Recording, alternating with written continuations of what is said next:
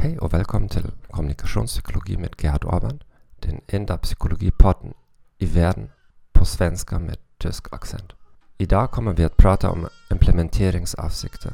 Detta ämne är relevant om du vill utveckla en disciplin för att förbättra din kommunikation. Om du läser affärs eller självutvecklingsböcker vet du det redan, troligen. Om du vill öppna ett mål är det bäst att du skriver ner det och anger hur du ska genomföra det. Empiriska studier av Peter Golvetzer ger bevis för ovanstående uttalande. Implementeringsavsikter anger hur ett konkret mål ska uppnås, det vill säga vilken åtgärd vi kommer att vidta när, var och hur. Ett mål är en önskad situation i framtiden.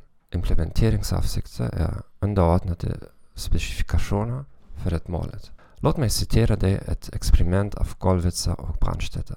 Före juluppehåll uppmanades deltagarna att skriva en rapport om hur de tillbringade julafton.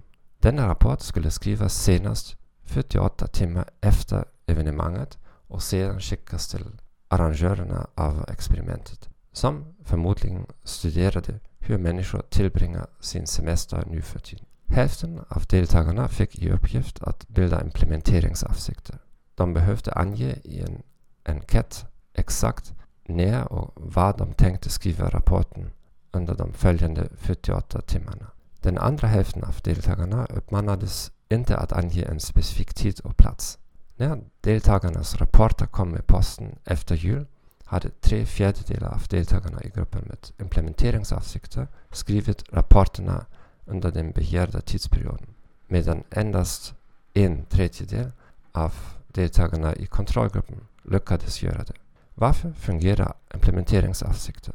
De låter oss automatisera målorienterat beteende. Det är svårare att fatta beslut för tillfället än att planera våra reaktioner i förväg. Jag tackar dig för att du lyssnade på denna podcast. Jag önskar dig en trevlig dag och hej då.